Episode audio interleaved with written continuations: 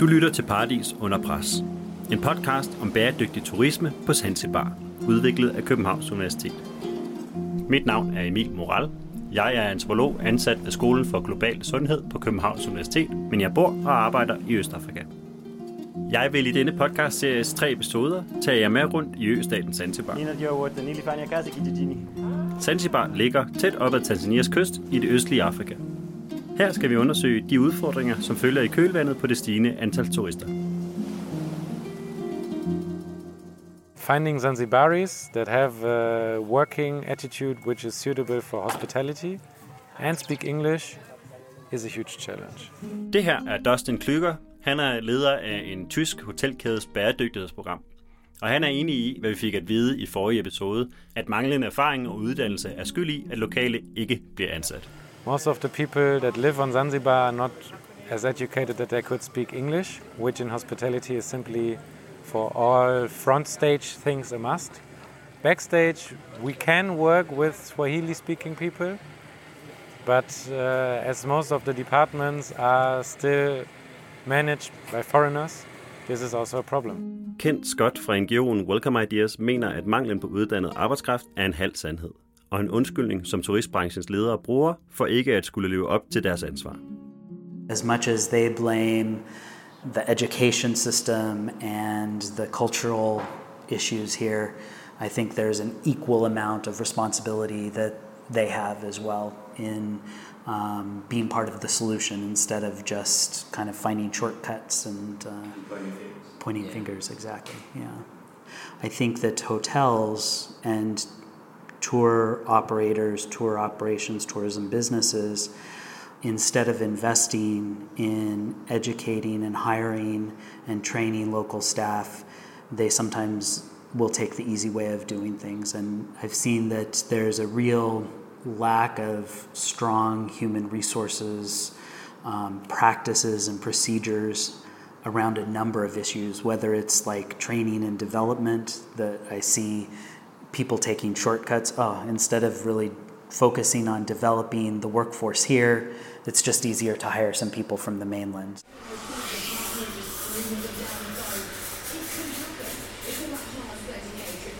Jeg sidder her på en virkelig hip og lækker øh, kaffebar, hvor man får virkelig, virkelig god italiensk kaffe. Ligesom en hver barista øh, derhjemme i... Øh... Ah, thank you so much. if you're if you're not busy, and feel free to say no. Feel free to say no. If you're not busy, I would even love to talk to you about for a podcast. I'll put on sound. Yeah. I'm doing radio on sustainable uh, tourism. Yes. Uh, so how tourism works in Zanzibar. Okay. Yeah, and uh, now you are working in this kind of establishment. This Yes. that is mainly for tourists, I imagine. Yeah. Yeah. And are you from Zanzibar? No, I'm not from Zanzibar. No. From mainland. You're from mainland. From- Would you would you be okay to do that? Uh, I'm not confident enough, but I will try to do it. Okay. Thanks. Min servitrice er altså heller ikke fra Zanzibar, men fra Tanzanias fastland. Jeg kunne godt tænke mig at vide, hvor mange hun kender i branchen, og om de mærker de dårlige arbejdsforhold, som jeg har hørt andre fortælle om. Do you know many people who work in the uh, tourist industry here? Yes, I know. So they work in hotels and restaurants. Yes, some hotels, restaurants, uh, the uh, gift shops, and the tourism, yeah, tour guides. Yeah. Yes, I know. Do people generally get contracts? Not all of the people. No. Yeah, not not all. Uh, I can say some of the place Yeah. they get contracts. Some of the place no. How many people do you think you know in the hotel industry here? A lot. A lot. Yes. Hundred. Yeah, sure. I About a can- hundred. Yeah, about hundred. Hundred How- because Yeah. because when I was just working in the secret, Yeah. like all the staff, maybe you can be like 96 or 97, the- just the staff. So I know. Yeah. And how many do you think have a contract? uh, I know 100 people, but who has contract? It, c- it can be like 45. Forty-five. Okay, that Yes. has contract. Yes. Uh, are everyone paid the minimum salary or more?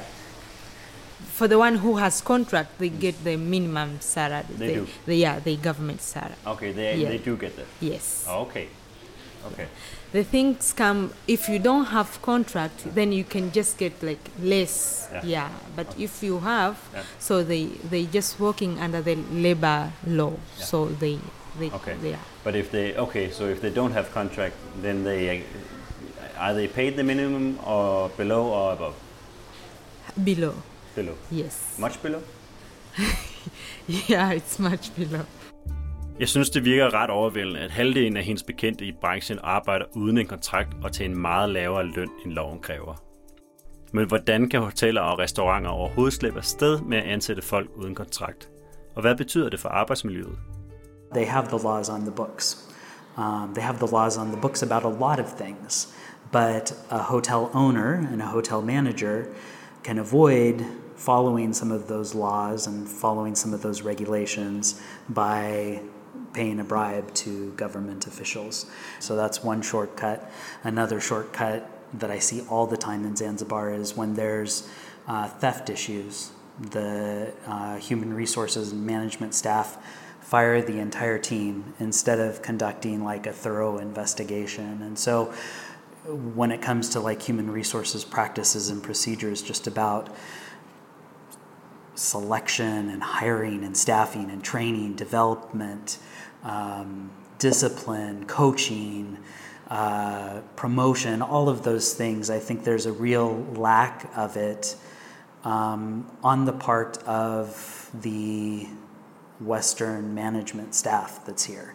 Um, unfortunately, what I find the rule is is that a lot of the um, management staff that's hired here are usually your younger managers. So, whereas like in Europe or the States, maybe a food and beverage manager has been around for X number of years. Maybe here, that person has like half of the experience that someone would have elsewhere. So I think generally it's it's easier for hotels to attract uh, probably younger people from Europe or younger people from the West, the States, because they don't have families and it's easier for them to move. And oh, the opportunity to be a manager here, I wouldn't get that back home. So, that, so that's great. So I think there's an area, like a level of inexperience that's just because of probably just youth and lack of industry experience why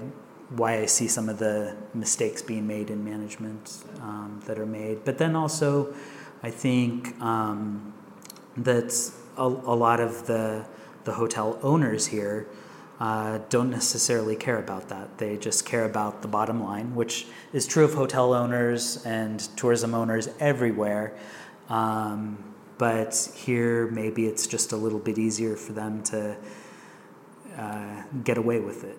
Og hvad er det så for nogle ting, de kan slippe afsted med, udover at ansætte folk uden kontrakt? I'll give one example. One of my former students was working uh, in a restaurant of a hotel, and the hotel has a tip box that's for all of the staff, and the management takes the tips but never disperses them to the staff, and the staff's complained numerous times, and nothing's happened, and he just stays there because he doesn't want to go look for another job.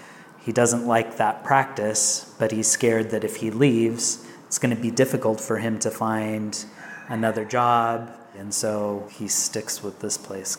Historien her om arbejdsforhold slutter på kaffebaren, hvor servitrisen, denne gang på Swahili, fortæller, hvordan hendes udenlandske chef engang skældte hende ud foran kunderne. Anapokuja an, ana, anaanza kushout, Han kommer ind og begynder at råbe, huna akili, kwa nini unafanya hivi? Kwa nini unafanya hivi? du har ikke nogen hjerne, hvorfor gør du sådan? Hvorfor gør du det sådan, dit fjols? So he calls you stupid, he says you don't use your brain. brain yeah so and he he doesn't shout like maybe in the office or like he can take you back and shouting in front of the clients and then Yeah. yeah So it ma- makes you feel small. yeah that's it How did you react?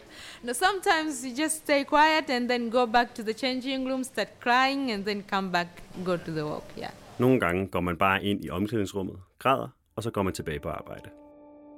Dette var tredje og sidste episode i podcastserien Paradis under pres. Serien har fortalt om nogle af konsekvenserne ved turisme på Zanzibar. Besøg globalhealth.ku.dk, hvis du vil vide mere. Tak fordi du lyttede med.